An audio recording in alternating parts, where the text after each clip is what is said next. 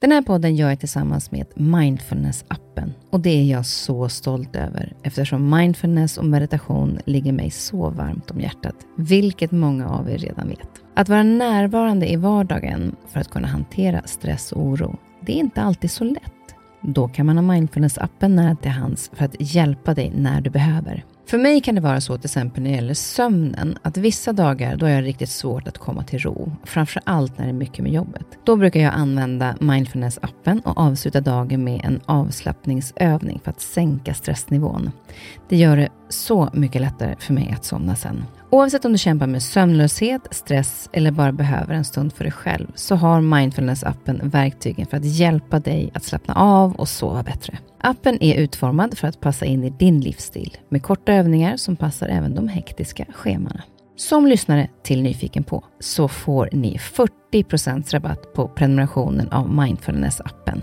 Länk till erbjudandet ja, det hittar ni i poddens Instagram, kaspersen nyfikenpa. Eller så går ni in på themindfulnessapp.com kristin. Välkommen till min podd Nyfiken på. Här får jag chansen att möta människor som jag är nyfiken på utifrån deras historia, kunskap eller erfarenheter. Människor som jag inspireras av och förhoppningsvis kan vi med det inspirera er. Och om ni gillar avsnittet får ni jättegärna dela det så fler får chansen att lyssna. Och det ger mig också möjligheten att få spridning på podden så att jag kan fortsätta länge att bjuda in människor till roliga och intressanta samtal. Glöm inte att du också kan gå in och prenumerera eller följa podden så missar du inte när avsnittet släpps. Den här veckan träffar jag min vän Ebba Lövensköld. Hon jobbade tidigare som journalist i New York och intervjuade skådespelare. Hon och hennes man Sam åkte sen på semester till Dominikanska republiken. Det var år 2010. Och de var där när Haiti drabbades av den enorma jordbävningen som tog ett par hundratusen människors liv. Och många utav haitierna flydde över gränsen till Dominikanska. När hon såg kontrasterna mellan vackra stränder och förödelsen på Haiti kunde hon inte riktigt släppa tanken på vad som skedde med alla drabbade människor. Och framförallt barnen. Efter några år så bestämde hon och hennes man sig för att flytta ner några månader för att hjälpa de fattiga barnen ännu mer. Och några månader, ja det blev fyra år. Vad som var menat som en engångsinsamling är idag ett projekt som bland annat byggt tre skolor och allt som allt hjälpt över tusen barn i fattigdom med skolgång. Jag åkte ner till henne i Skåne där hon bor idag med sin familj och även min hund Minou var med. Hon var inte jättesugen på att sova när vi pratade så kan hända att ni hör henne lite i bakgrunden tills dess att hon somnade. Men visst var det så att det var i januari 2010 som ni var nere på Dominikanska på semester? Ja, vi reste ner eh, för att ha en lång helg på semestern och rymma från kylan i New York. Eh, och eh, komma till värmen och solen. Men vi var ju i landet ett par dagar bara och vi njöt av eh, liksom, stranden. Eh, men plötsligt så ser vi på nyheten att den här katastrofen har inträffat på andra sidan ön i eh, grannlandet Haiti. Normala telefonkontakter med Haiti är fortfarande brutna, men de rapporter som har kommit ut de berättar om omfattande skador och om panikartade scener. Hundratals hus i huvudstaden Port-au-Prince har rasat samman. Skadade och döda människor ligger på gatorna. Det berättas om desperata skrik som skär genom natten och människor som desperat letar efter sina anhöriga. Det var jordbävning och eh, det har alltså kommit, vi visste ju inte det då, men det har ju kommit att bli en av eh, modern tids eh, värsta naturkatastrofer. Där eh, över 100 000 människor begravdes levande och över en miljon människor förlorade sina hem och liv. Hur mycket av den här jordbävningen, märkte ni någonting på den delen av ön som ni var på i Dominikanska? Det var ju en del av det här extremt märkliga i situationen att vi märkte ju, vi märkte ju ingenting. Musiken fortsatte spela, turisterna fortsatte dricka drinkar och dansa. Men överallt på nyheterna, på CNN, så rullade de här fruktansvärda bilderna eh, fram. Och som visade att omfattningen eh, blev liksom bara större och större. Eh, jag kommer ju aldrig glömma det här dygnet. Vi hade ju en väska packad som stod på första våningen i det huset där vi då bodde. Varför då? Jo, för att det var också en tsunamivarning utfärdat. Ehm, och vi räknade trappstegen och metrarna upp till första våningen. Och vi hittade luckan upp till vinden och räknade metrarna upp till vinden. Eh, och vi eh, hittade också en väg ut genom fönstret där vi skulle kunna klättra upp på taket ifall det, skulle, det värsta skulle ske. så att säga. Och sen hade vi också, så vi hade liksom en plan redo. Vi satt vakna hela natten och följde eh, utvecklingen. Så det, har ju, det blev ju ett dygn som eh, har satt sig i min själ och kropp, måste jag säga. Och sen dagarna efter det, när ni fick se förödelsen som hade skett på Haiti, vad, vad, vad kände du då med tanke på de kontrasterna som var mellan ja, det era var stränder? återigen så bisarrt, för vi satt där i, i paradiset. Liksom. De här kritvita stränderna och de här som du ser på turistbroschyrerna, de vackra hotellen och poolerna. Och, men överallt så, eh, i Dominikanska republiken så är det också så att den billiga arbetskraften, de som städar toaletterna, de som gör tuffaste jobbet, de är ofta haitier. Så var vi än befann oss så befann sig, eh, mellan de glada turisterna så befann sig haitier. Och eh, det var så uppenbart för mig, eh, den här desperationen som var så närvarande. Och den, ehm, att vara i den kontrasten var väldigt märklig. Mm. Och sen flög ni tillbaka till New York. Eh, vad hade du för tankar där på flyget hem? Ah, vad hade jag för tankar? Jag var, ju, jag var tacksam att jag levde. Eh, och eh, någonstans där mellan molnen så, så, så, gav jag mig själv något eh, som jag många gånger efteråt har tyckt var lite så här patetiskt löfte. Att någon gång så skulle jag göra någonting. Då tänkte jag i form av en insamling.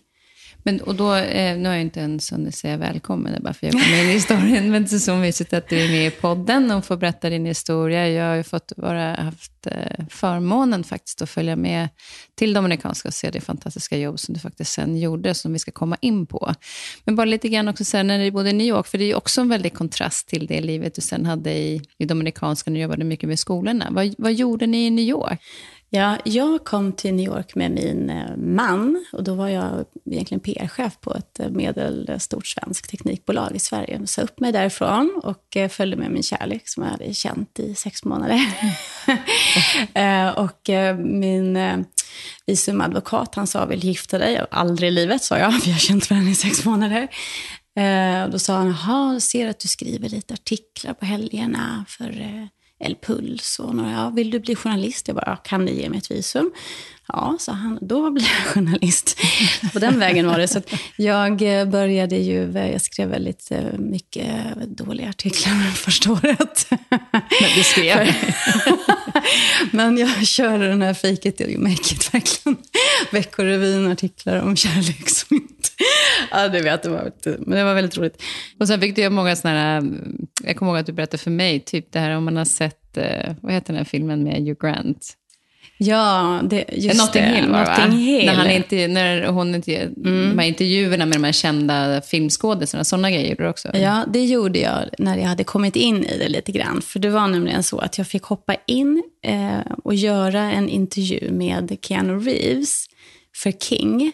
Då ringde de mig eh, dagen innan och sa att den riktiga journalisten har blivit sjuk. Kan du hoppa in?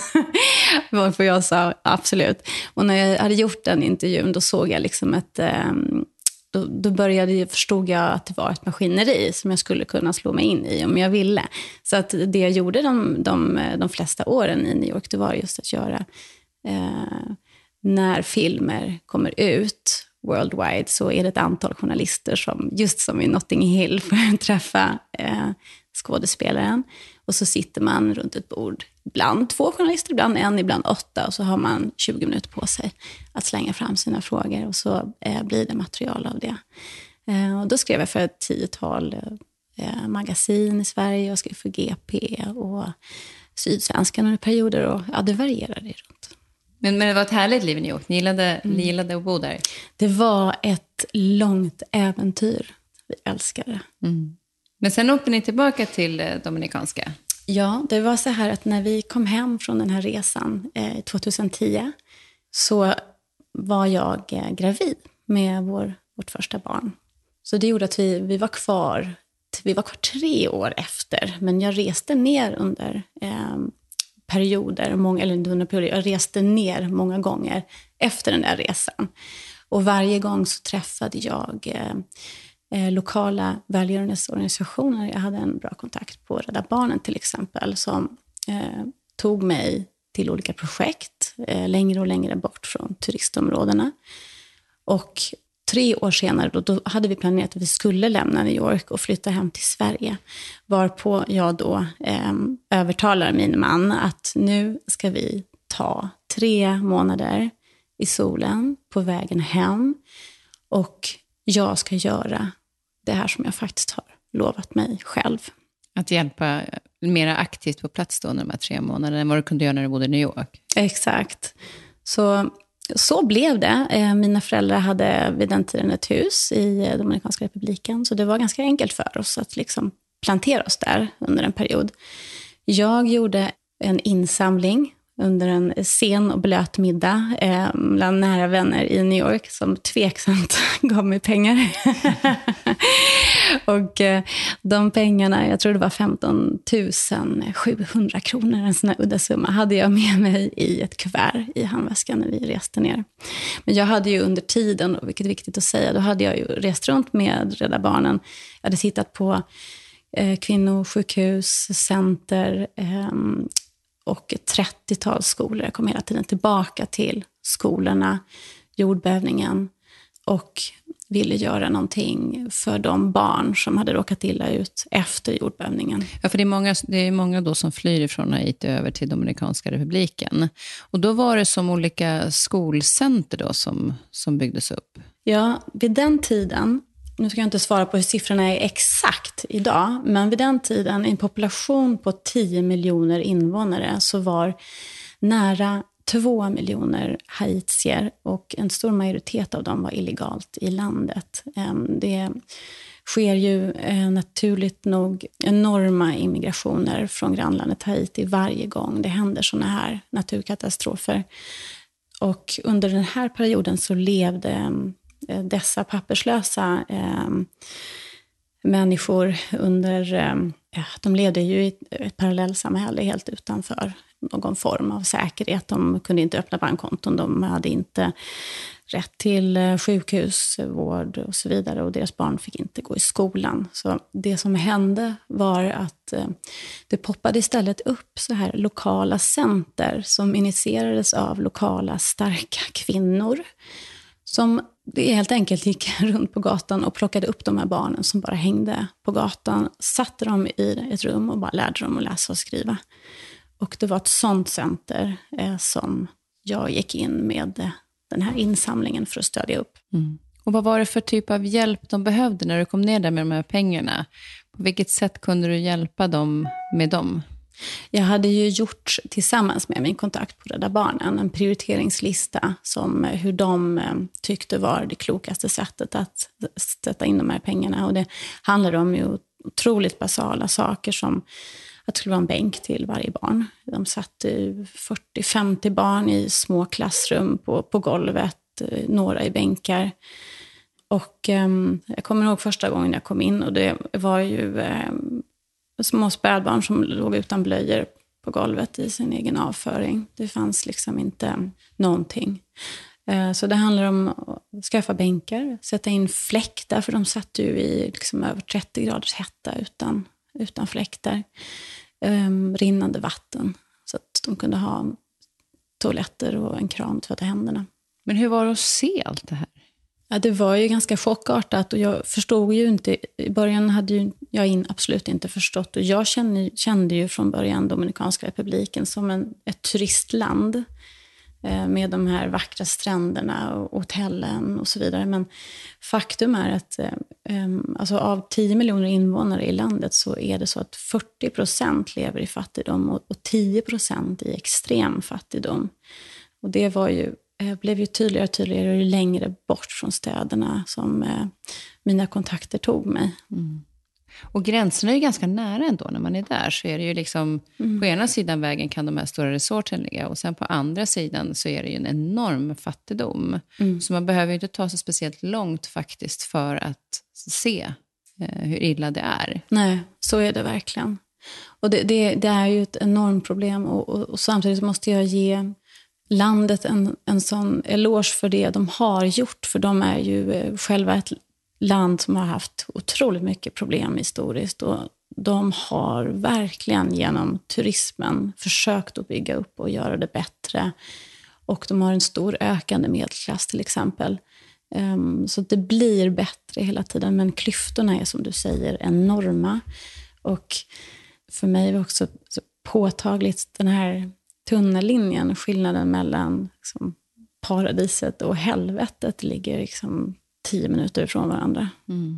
Och jag vet att också du hade, när du hade gjort alla de här, hjälpt till med det du kunde när det gäller skolcenter, och ni hade sett till att de hade skolbänkar och fläktar och allt det var klart, så fick du också ett breakdown efteråt. Så det hände någonting. Ja, faktum var att jag, jag blev lite knäpp de där sista månaderna. För jag började liksom tänka allting i... Eh, vi kunde sitta på en middag. Så kunde jag tänka så här, gud, det här är ju en månadslön för en lärare. Det här är så många barn, eh, så många skolavgifter för, en, för barn. Det är, man blir liksom, blev väldigt, väldigt medryckt i det där. Och eh, det är precis som du säger, jag, jag fick ett breakdown.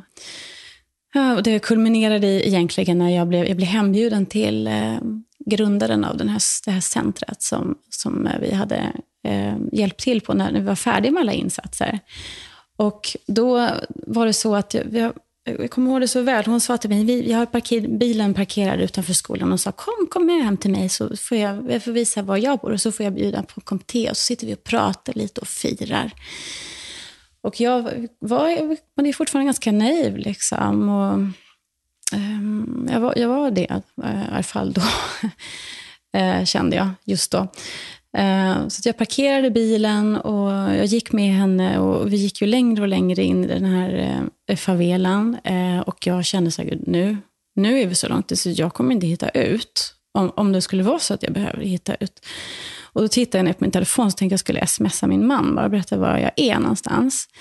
Men då dör telefonen precis när jag, för jag har den i, nere i min handväska. Jag kan inte gå med mobiltelefonen i handen. Liksom det är ju um, Risken två årslöner, liksom en iPhone, i det området. Så, men till slut så, så kommer vi hem till henne och så sitter vi där, och liksom ett litet skjul på 20 kvadratmeter, ett rum. I hörnet står en säng, det är jordgolv. På sängen ligger alla hennes kläder, för hon har ju inga garderober att hänga dem i. Och så står hon över en öppen eh, eldstad och börjar koka vatten. Liksom bra, bra så. Och jag sitter, sätter mig ner i den enda fåtöljen som är i rummet och fokuserar på att fundera på hur jag ska undvika att dricka det här teet som hon så generöst vill bjuda mig på, för jag vet att det är så otroligt mycket vattensjukdomar i det här området. Um, min mage skulle kanske inte klara, klara av det vatten som hon klarar av. Och då vänder hon sig om och så skrattar hon hjärtligt. Och så säger jag, förlåt, vad är det som är roligt? Så säger hon, du sitter i min säng. Jag trodde aldrig att en kvinna från stranden, det är så de kallar turisterna, skulle sitta i min säng. Och jag sprätter upp och, hon sätter, sig, sätter mig ner igen. Och så säger jag, men varför sover du inte i din säng, Maria? Nej, i min säng sover min systerdotter som är dövstum, 14 år och har precis fått sitt första barn. Och bredvid henne sover två Eh, flickor från Haiti vars föräldrar inte kunde stanna i landet. Och de lämnade dem med mig. Och då sitter jag där och jag bara kände så mycket känslor som sköljer över mig. Det är så mycket uppgivenhet och sorg och smärta. Och jag sitter där och försöker hålla ihop det. Och liksom, jag håller ihop det.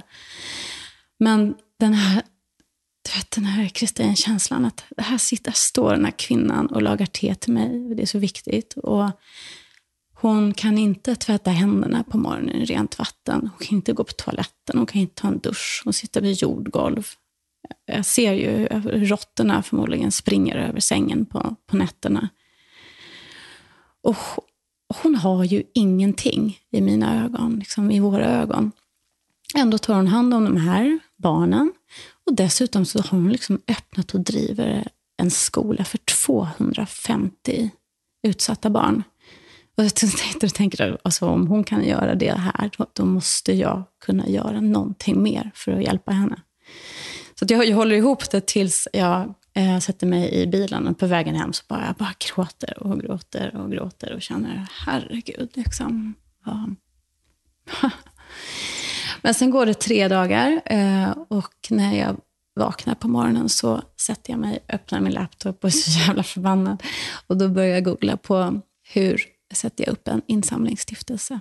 Så där föddes Together for Better. Ja, det var där, precis då mm. i början egentligen, innan du började bygga skolorna, som det började. Ja. För ni hade ju bestämt egentligen bara vara där några månader, men sen så tog ni ett beslut. ja. Exakt. Dels så var det, så det hade, nu hade tre månader gått och vi var, vi var på väg hem. Liksom. Våra, vår container från New York hade åkt eh, för längst till Sverige. Um, vi hade bara med oss två resväskor till Dominikanska. Men det som hände var ju dels att jag började känna att det här var ju inte slutet. Det var snarare början på någonting nytt. Um, som jag kunde lägga till i det liv som jag hade. Och min man som är entreprenör och i fastighetsutveckling, han skulle ju vara pappaledig. Han kunde, kunde inte sitta still. Så att han hade ju sedan längst börjat titta på utvecklingsmöjligheter och, och så vidare. Och så, vidare. så han bestämde sig för att investera i eh, mark där. Så att bara en söndag i maj så satt vi på stranden som var verkligen vår tillflykt under helgerna. Um, och pratade och sa, ska vi, ska vi stanna ett år till? Det här kommer ju aldrig komma tillbaka. Den här möjligheten där vi båda är mellan och flexibla. Och, ja, så vi gjorde, jag kommer ihåg det så väl, vi gjorde på ett kvitto på lunch. Eh, på lunchkvittot. så på baksidan så gjorde vi en lista för och emot. och hur, vad blev resultatet på för och emot? Nej, emot var mycket längre, men det var några punkter som kändes så viktiga. Det var det här, vi kommer, det här, det här kommer inte komma tillbaka. Så låt oss köra. Mm. Och då blev ni kvar och du började satsa på att bygga mm. skolor liksom mera på riktigt. Eh, inte liksom de här skolcentren utan se till. Och vad var det som blev den, den, den första skolan som du gick in i?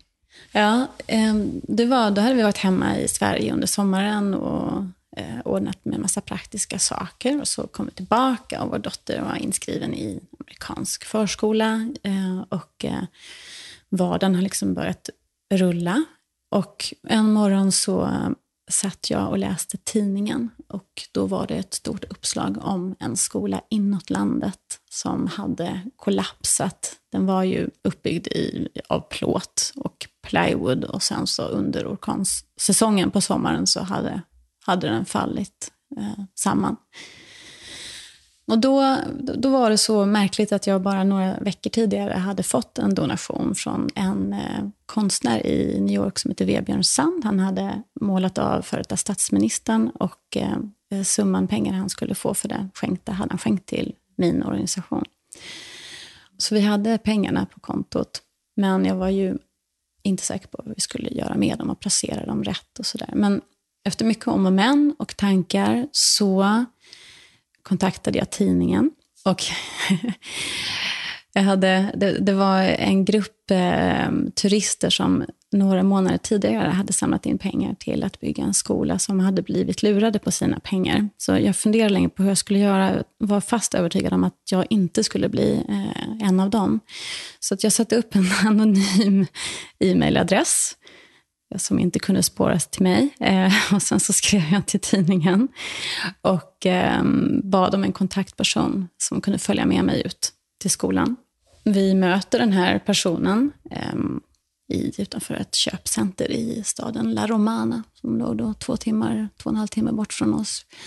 Och sen så följer vi efter den här eh, bilen längre och längre ut. I och då är din man med dig va? Ja, min man är med mm. mig, absolut. Vi, vi följer med efter den här bilen längre och längre ut. Och när vi är i de här, det här väldigt, väldigt fattiga området, jag hade då inte varit i, sett något liknande. Um, och när vi hade kört, du vet, på grusvägar och mellan skjul till höger och vänster, upp och ner i 20 minuter, så, så då är det väldigt tyst i bilen, kan jag säga. då vänder sig min man mot mig och säger, Ebba, säg mig att du vet vilka människor det är vi följer efter ute i den här favelan. Och det visste ju inte jag. Jag visste ju inte det. Men jag sa att jag visste det. sen, sen kom vi fram då tio minuter senare och eh, vid vägens ände, eh, literally, vad heter det, så bokstavligen, så parkerar vi bilen och vi hälsar på de här männen, Ramon och Bienvenido, som jag inte då visste, men de skulle bli så viktiga, mina högra händer i, i eh, arbetet de kommande åren. Så det var väldigt fint. Vi, vi gick upp för det här krönet och tittade ner över. Och där ser vi den här skolan som hade fallit samman.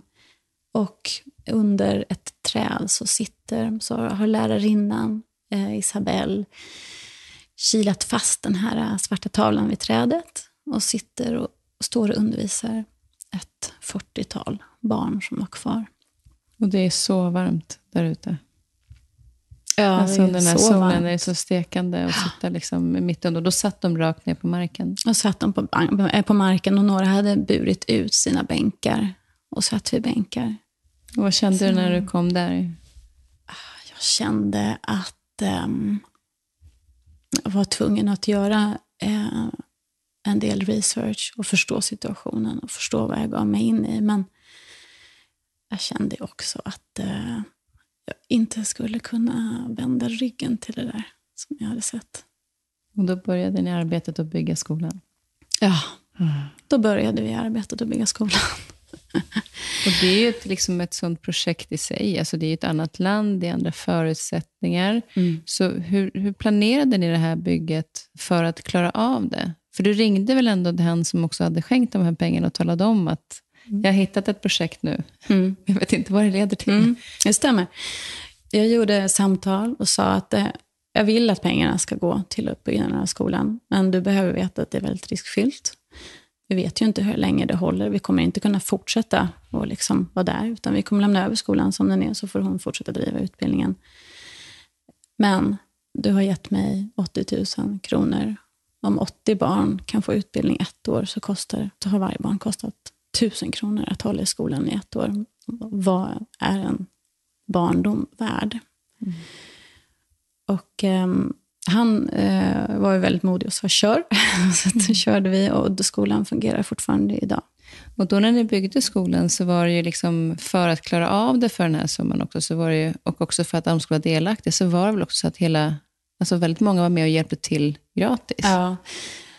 Ehm, ja, vi samlade ihop communityt och eh, vi gjorde det otroligt tydligt att om de vill ha sin skola tillbaka för barnen så måste alla dra till stacken vad de kan.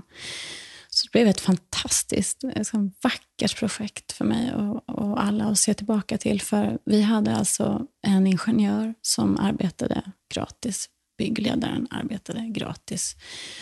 Papporna liksom, eh, var med eh, och hamrade och spikrade. Vi hade alla, alla arbetade för att den här skolan skulle komma eh, och byggas upp. Och alla du vet, hårdvarubutiker och gav jättebra rabatter och så vidare. Så det blev ett väldigt, väldigt vackert projekt. Och jag var ju eh, väldigt osäker på det här. Jag gjorde... de, fick, de fick 15 000 kronor varje gång. Och sen fick jag ett skrivet kvitto och sen så åkte jag dit och tittade vad de hade gjort. Och sen väntade jag en vecka och så gjorde jag en ny överföring. Och så, så att vi jobbade ju så här, Alltså du kollade hela tiden kollade hela att tiden. de användes på rätt sätt. Ja. För annars så skulle de inte få något mer. Nej, för vi kände ju inte varandra och jag befann mig i ett otroligt korrupt land där dessa summor är väldigt mycket för, för många människor. Så att jag ville vara, liksom säkra upp mig så mycket som möjligt för att det skulle funka. Och det gjorde det. Det blev så fint. Och när, när skolan var klar så kom jag dit och den skulle invigas. Och ehm, det var ju... Liksom, då hade Isabelle, då, hon hade samlat hela den här lilla byn. Eh, Vänta. Ja. hela byn var samlad? Hela byn var samlad. Du vet, allt från liksom, mormor till liksom, barn. Och, eh, mm. Vi kom in där och vuxna män grät och det applåderades och kramades. Och det var, ja, det var så fint. fint var det.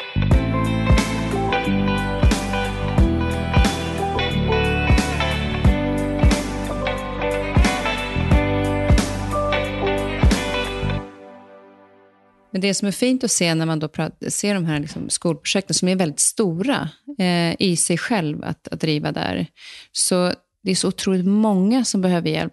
Kan man liksom ibland känna att det är som en, en droppe i havet när man plötsligt ser hur mycket hjälp som behövs runt omkring? Ja, naturligtvis. Och det där tampades jag ju med jättemycket i, i början och kände att det kommer inte. Jag var så hård mot mig själv och så lätt rädd för att misslyckas och sådär.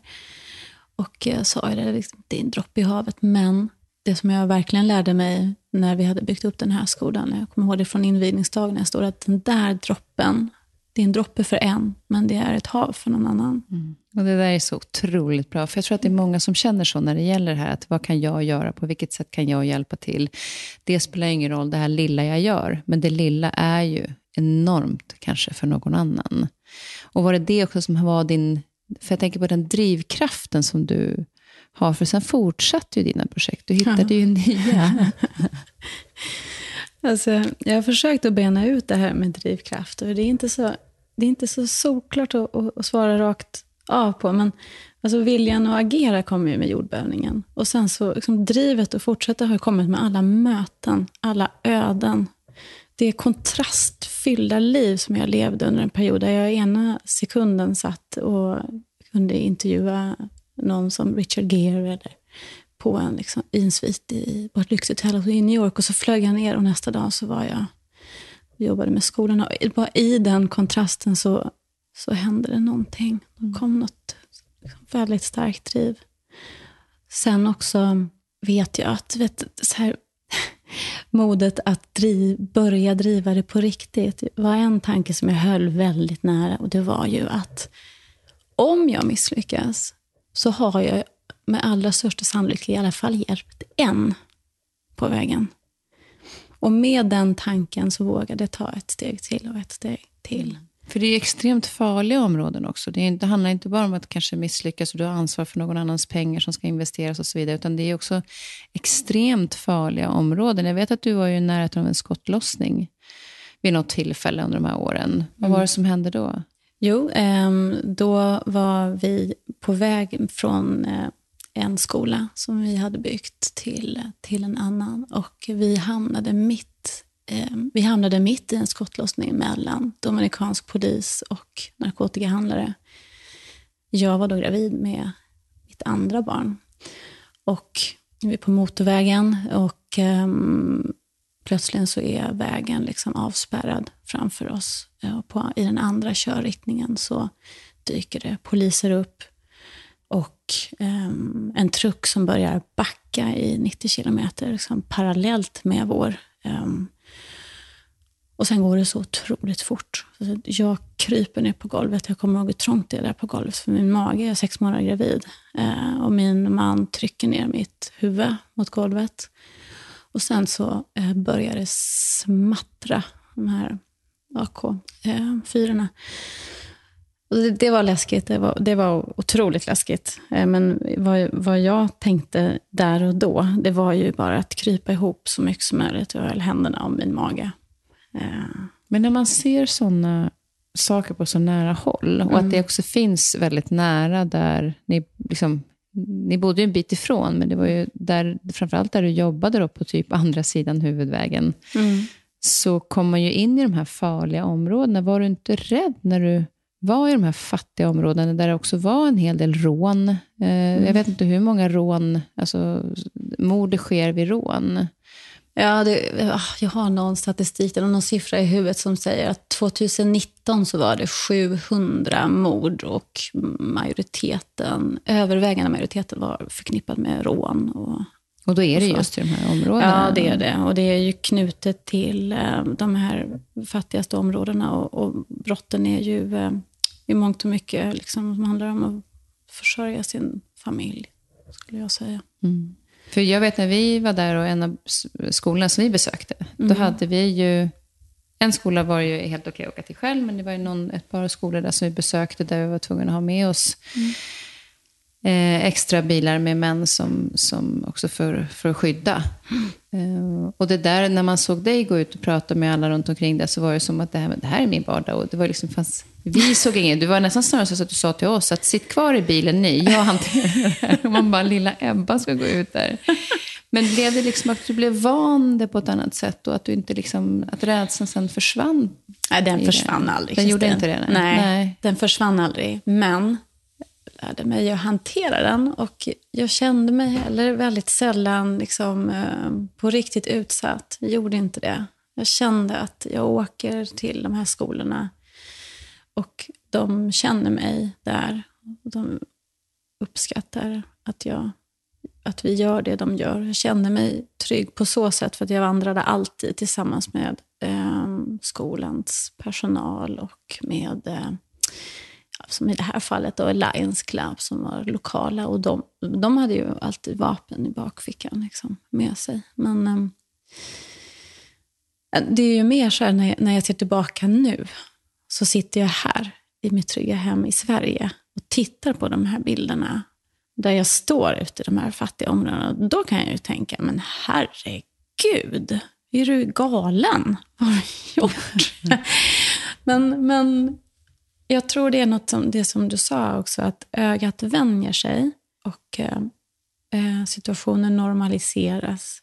Och, men det är också någonting med det här att när du lär känna människorna där ute, då blir det liksom, barriärerna bryts ner. Mm. Jag känner alla de här liksom, um, kvinnorna som driver skolan. Jag känner deras män. Föräldrarna i skolan hejar på mig.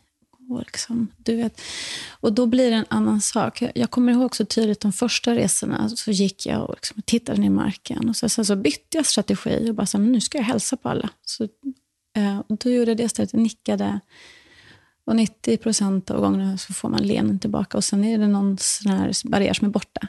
Mm. Men det är klart, man får inte vara naiv där. Eh, och, eh, det gäller väl alltid kanske vara på sin vakt. Eh, mm. Men sen var det en, en skola som du verkligen har jobbat med väldigt tajt. Mm. Du lärde känna en, skol, en fröken där som heter Joanni som har betytt jättemycket för dig och eh, hela det här samarbetet. Men det var bara ett litet skjul. Ja, det stämmer. Det var ett, um, det fanns, det var ett rum som var byggt med liksom, betong.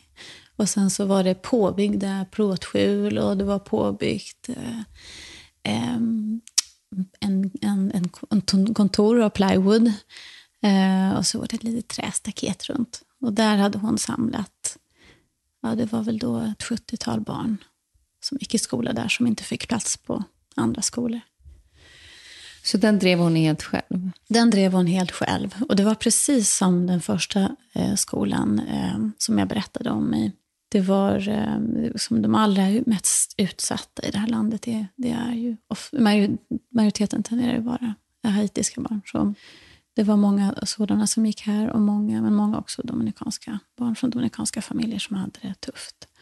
Och då drog eh, Joanni igång det här. Men när vi träffades så hade hon ju egentligen funderat på att eh, stänga ner. För det var så tuffa omständigheter. Vet, de, hade inga, de fick ju inga statliga stöd, så de hade ju inte råd att köpa några böcker eller utbildningsmaterial. Och de, samma sak som den första skolan, de, de satt där eh, och inga av lärarna hade fått betalt på månader. Liksom. Så det var väldigt, väldigt tufft.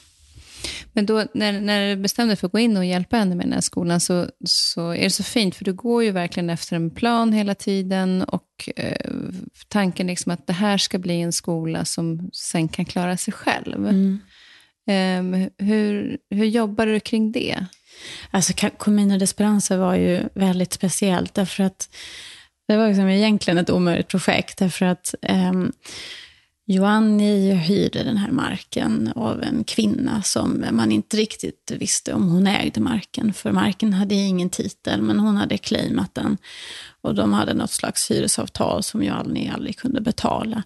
Och um, bara liksom när man hör den historien så blir man helt matt. Mm. Och att, att skaffa, vi hade ju inte de förutsättningarna då i stiftelsen, men att bara skaffa en titel på en sån bit mark, då var liksom en väldigt riskfylld och lång och kostsam process med advokater som vi inte kunde driva där och då. Men för att vi blev, eh, jag blev väldigt nära Johanni och hon, eh, jag förstod att hon var en sån otroligt bra person. Eh, hon var verkligen hjärtat i det communityt.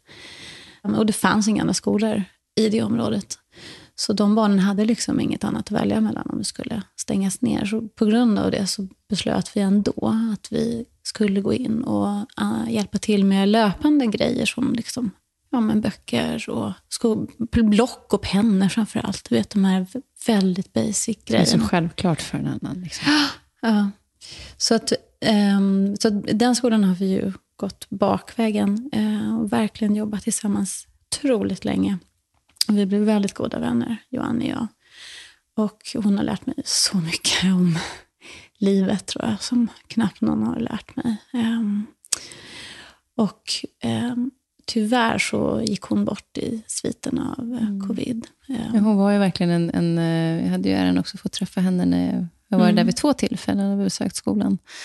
Um, och hon, hon var verkligen det, det stora leendet och stora famnen mm. som man tog emot. Och hon var ju, och tror inte bara i barns eh, skolgång, utan hon tog ju också hand om en flicka som hon hittade. Ja, ja och det här var precis när jag hade lärt känna henne. Så um, kom jag till skolgården en morgon och uh, jag träffar alla lärarna där sitter och lärarinnor sitter liksom vid väldigt tryckt stämning.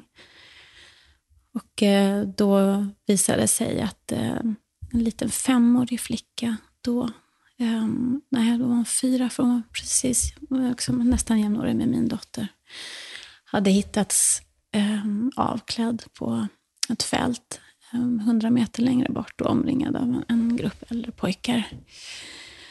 Tillhörde att flickan var övergiven av sina föräldrar som hade flyttat till huvudstaden för att arbeta. Och bodde hos en avlägsen släkting som inte liksom brydde sig om Så hon hade sprungit längs gatorna själv i månader, egentligen, det här lilla, lilla, lilla barnet. Mm. Och så hände det här. Och det som då um, blir, det som kommer ut av det här är att Johanni tar med henne hem och adopterar henne. Så att hon växer upp i, i hennes familj med hennes man som heter Pedro istället.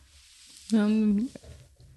Ja. Även om jag har hört historien förut så kan jag inte låta bli. Ja. Det är så himla berörd av den historien. Men, eh, och det som då också så med skolan som var... Eh, men nu får jag sluta gråta. Men det är också så fint eftersom Joanne var en sån otroligt... Eh, alltså det hon gjorde för alla de här barnen, det hon var för dem. Och den disciplinen och den kärleken som fanns mm. på den där skolan, eller som finns på den där skolan, som hon har gjort avstamp i, liksom, är så otroligt fint. Mm. Och när, när, vi besökte skolan så är det en färgglad skola mm. med skoluniformer och det är lek eh, lekplats utanför. Så ni har gjort mm. liksom ett fantastiskt jobb. Mm. Men det pågår ju hela tiden. Eh, jag vet bara under vägens gång, vi var ju där vid ett tillfälle när det blev en orkan och då mm. flög ju taket och sen så är det på med det igen. Så hur har liksom arbetet gått framåt nu i den, enligt den planen för att de ska kunna få kanske eventuellt bidrag? Mm. Nu vet man ju inte om de får det, men från staten. Ja, men vi, vi har faktiskt redan nu förra veckan, så är otroligt emotionella runt det här, för att vi har ju verkligen gått bakvägen med den här skolan, men nu har vi lyckats få till allt på den planen som eh, utbildningsministeriet eh, har liksom, deras kravlista för att kunna söka bidrag. Så att vi, eh, vi gick igenom eh, vi, vi, tog tag i det här med titeln och vi såg till att kunna köpa marken. Och eh, skolan är en egen stiftelse med en hemsida, egna insamlingsmöjligheter och eh, vi har byggt en kafeteria, vi har orkansäkrat hela skolan och lärarna har kontor så som det krävs. Och, och så vad innebär det, när man, alltså det här med också att ni har ett café? Mm. Vad är det som gör att man har det in till skolan? Men det är ju bara ett litet sätt för skolan att kunna få egna inkomster.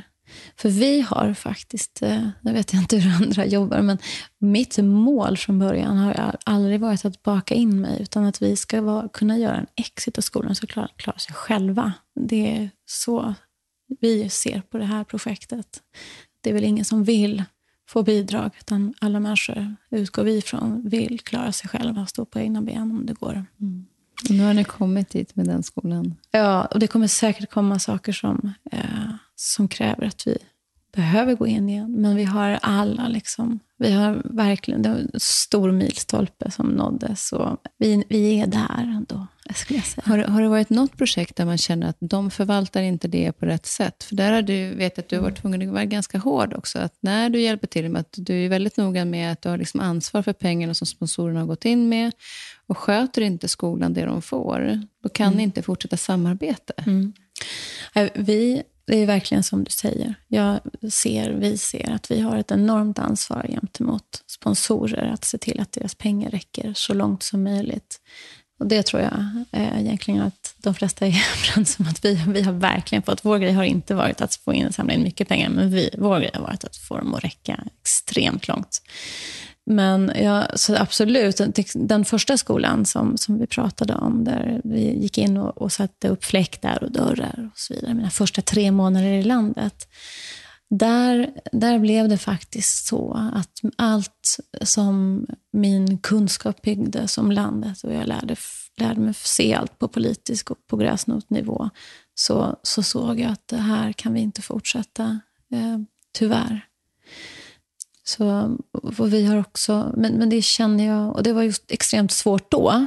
Extremt svårt då. För det är barn som är där som behöver ja, hjälp. Det är barn det... som är där och man känner sig, jag känner mig så otillräcklig och, och sådär. Men det är liksom en grej man måste um, jobba med hela tiden. Men det som är också så här, när, när, det är ju också en del i att driva en sån här välgörenhetsorganisation, en stiftelse som du gör, att ta de här besluten och eh, se vad, vad hjälper vi bäst, där det också blir hållbart under en längre tid. Det måste ju vara en Och Jag vet också att du har många olika sponsorer, med bland annat Henke Lundqvist Foundation, som eh, när vi var där hade skickat över massa skolmaterial och eh, sportprylar och sådär. Eh, och sen också har han varit med och byggt en skolgård. Mm, det stämmer. Eh, jag tänkte att också under veckan nu när podden ligger ute ska jag lägga ut lite bilder på Instagram ifrån de här olika skolorna och berätta om eh, de projekten. Mm, vad roligt. Jag skulle få några bilder av dig också på bland annat då hur skolan såg ut hos Joanni innan och sen hur den sett ut efter. Så att man också får en bild av, av det som eh, du har gjort. Men, men vad betyder de här liksom, eh, att, att få in de här sponsorerna, det måste ju också vara inte bara det att du jobbar extremt mycket med skolorna och det på plats, utan du också jobbar för att få in pengar. Mm.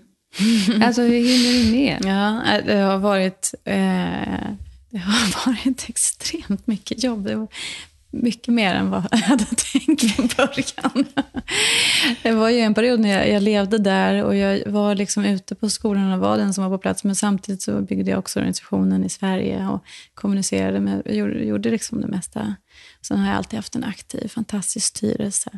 Och med tiden, och det, det jag har gjort, eh, det är att jag har från början kommunicerat via sociala medier väldigt transparent och bara berättat. Och jag tror det är en framgångsfaktor för mig, en, som har funkat i det här, det är att folk har hela tiden kunnat följa pengarna.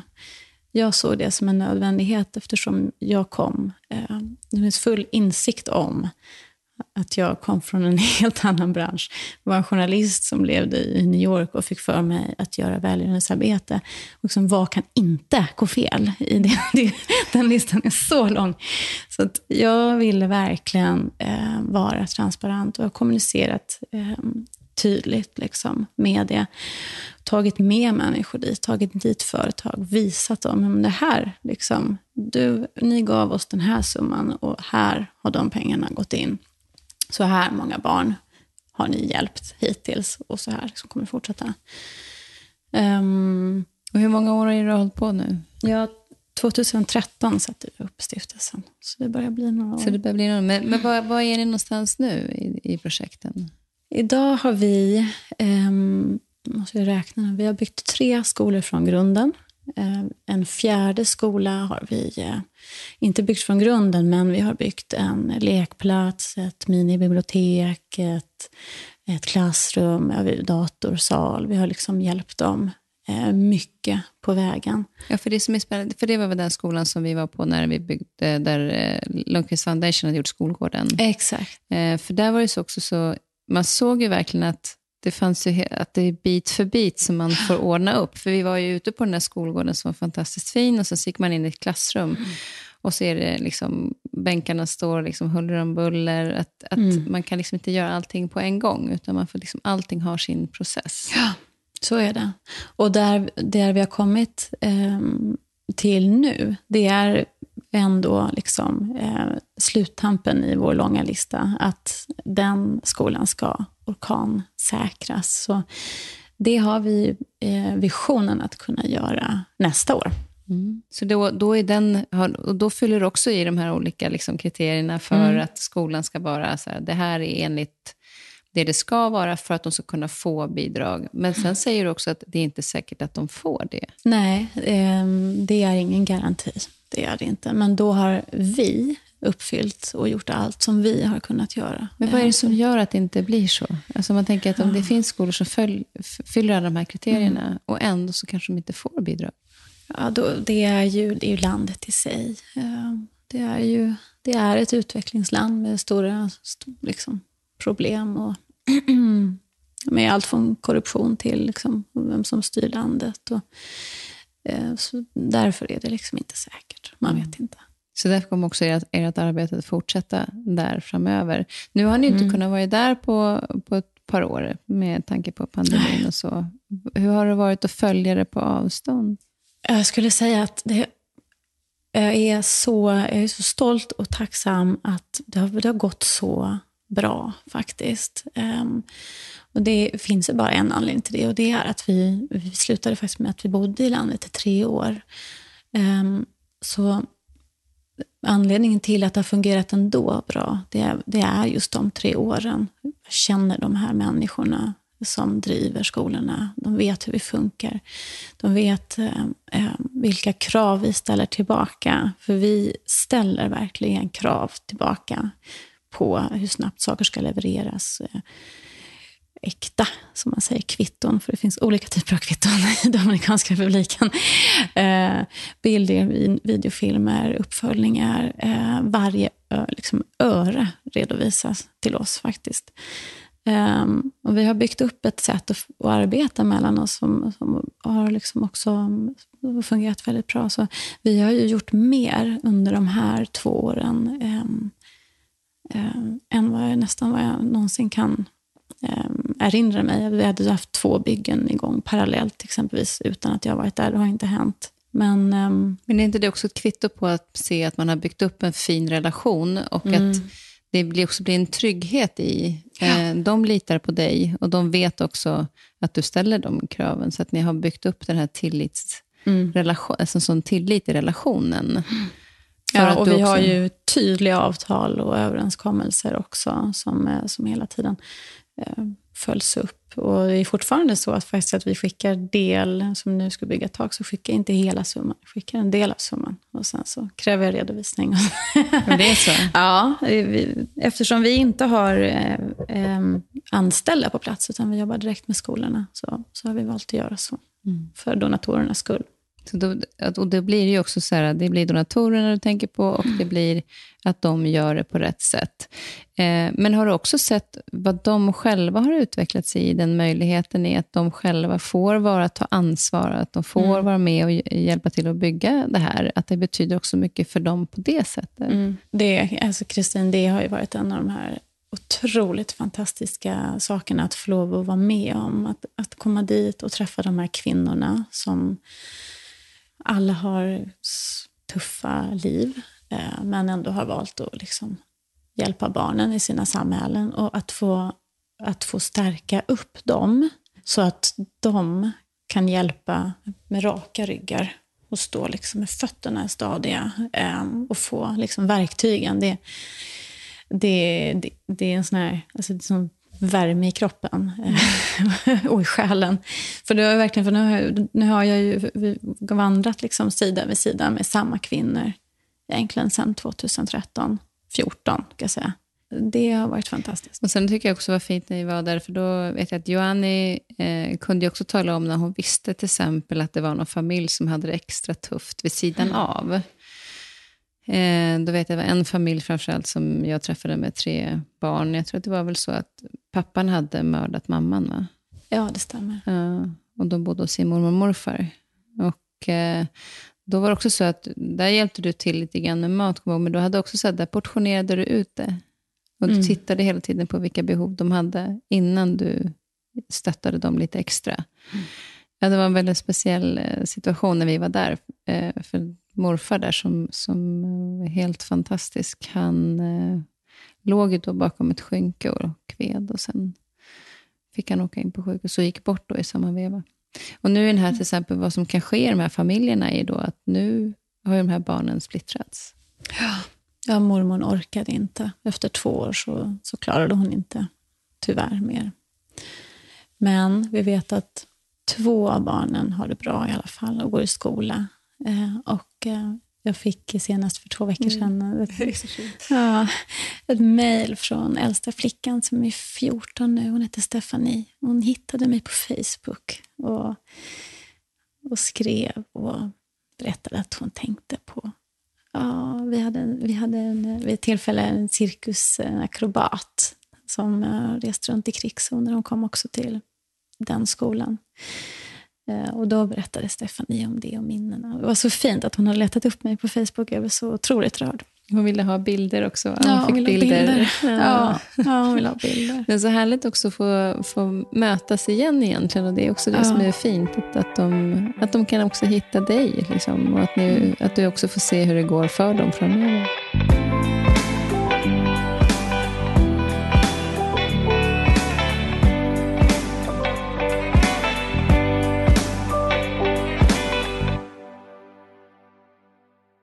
Men då är det, projekten fortsätter och du jobbar mm. vidare med sponsorerna. Men idag lever du lite ett annat liv än, för ni flyttade hem till mm. Stockholm mm. sen och nu bor du i Skåne. Du ja. driver skogsbruk. Ja, nu har jag flyttat sen eh, ett och ett halvt år tillbaka till eh, eh, för att ta över gården där jag växte upp, som heter Porresta, ligger norr om Österlen. Så nu bedriver vi aktiv arbete med skogsbruk och vi gör ekologisk ekologisk grönsaksodling, samarbete med en, en, en extern partner. Och jakt. Så det är ett annat det liv. Så, helt annat. Jag tycker det är så underbart med ditt, ditt, som att titta tillbaka de här åren, från liksom New York och, mm. och intervjua de största skådespelarna, filmskådespelarna, till eh, ute på fältet på Dominikanska. Sen nu det här och driver skogsbruk. Det är helt fantastiskt. Mm. Eh, men, men arbetet med Together for Better, det fortsätter? Det kommer fortsätta. Ja. Så länge vi får stöd så kommer det fortsätta. Mm. Och vill ni veta mer, ni som lyssnar om Together for Better, så kan ni gå in på deras hemsida, eh, som är togetherforbetter.se. Mm. Och så finns det också Instagram, så man kan gå in och titta och där finns det massor med härliga bilder och berättelser. Eh, och där finns det också bilder på Joanne, jag ska också lägga upp bild på henne, fantastiska mm. kvinna. Eh, om, man, om man tittar på vad du är nyfiken på? Mm. Ja, men jag har ju fått en nyupptäckt eh, intresse för mat sen vi flyttade till landet. Eh, och mat som är bra för kroppen kroppen. Och jag älskar det faktum att vi har ekologiska grönsaker här på 300 hektar fält utanför vårt hus. Så eh, eh, det har liksom paleokost och AIP och nyttiga grönsaker. Och det har blivit, verkligen blivit ett intresse. Mm. Um, Inte bara för att du odlar, utan det är för att du också, din kropp behöver det? Ja, det är så att jag lever, jag lever med en autoimmun sjukdom, um, sköldkörtel problem som heter, jag började med hypertyreos och så opererade jag bort den och så har jag då hypotyreos nu. Så den, det, har gett mig, eh, det har gett mig ganska mycket problem upp och ner under perioder och jag märker att min kropp mår så bra om jag eh, anpassar kosten och äter mycket grönt. Och jag tycker det var så fint också när vi var ute och gick igår, eh, för du visade runt mig lite grann här utanför, och då gick vi förbi ett av de här grönsaksfälten då, som är ekologiska. Mm. Och att du berättade hur, djur, hur man kan se på djurlivet, mm. att, att det ni odlar inte längre är dåligt. Ja, eller traditionellt jordbruk. Man tar ju bort en mycket, man tar bort sprutmedlen och mm. ställer dem till ekologiskt. Och det är en sån grej som vi har märkt, att vi har, fåglarna har verkligen kommit tillbaka. Det har blivit så rikt eh, fågelliv under perioder. De sitter och äter på fälten och sådär. Mm. Och det säger i alla fall mig någonting om att det är, eh, att det är bra. En sån otroligt tydlig indikation på vad det är som är sunt och inte, när naturen själv säger, visar det. Mm. Eh, det är fantastiskt det jobbet du gör. Eh, mm. Och du inspirerar så mycket i, i, din historia. Även om inte människor kanske kan starta liksom en välgörenhetsorganisation, så kan man ändå veta att, liksom, just som du sa, jag tycker det är så fint det här med droppe i havet, att en droppe kan faktiskt vara ett hav för någon annan. Mm. Um, så den, den, den, inspirationen är så viktig. Och, och, tack snälla för att du delar med dig av det. Och tack för att jag har fått vara med dig där borta. Det har varit helt fantastiskt att se att det verkligen gör så mycket, sån otrolig skillnad för så många barn. Och kvinnor som får bli... Att just det älskar jag med att hur de får känna att de kan hantera och mm. lära sig ta hand om sitt eget liv. Hur det stärker dem. Ja. Men också en sak som är så fint att se här, det är ju Molly som eh, var med under den här tiden och har varit med dig på skolorna. Mm. Ja. Vad betyder det för dig när du hade med henne dit? Eh, det betydde otroligt mycket, för det var en, en enorm drivkraft för mig. Att, du vet, att, att, ehm, att ha sin egen dotter med sig. Ehm, på de här skolorna och ehm, se henne leka med barnen, se henne sitta i skolbänkarna. Det, är, det har varit otroligt starkt och det har hjälpt mig väldigt mycket, för jag har alltid tänkt att det kunde ha varit henne. Barn är barn. Förlåt? Ja, barn är barn. Barn är barn, ja. Och de föds på olika delar av, med ja. olika förutsättningar. Och också kan jag tänka mig att hon har fått med sig en väldigt fin erfarenhet som har fått mm. tagit del av allt det där. Hon är god vän idag med den här Emmy som uh, hittades på fältet. Och, så de har kontakt på Facetime. Ja, vad fint. ja, det är fint. Vad härligt. Det är fint. ja, nu ska vi eh, avsluta nu med en, eh, en låt eh, som mm. du har vill, eh, som du eh, vaknar till, höll jag på att säga. Varje morgon, hela hösten, vaknar jag till den här låten. det, det är ett tips till oss alla andra, för då blir man ju glad när man hör den här. Mm. Tack snälla Ebba. Tack snälla Kristin.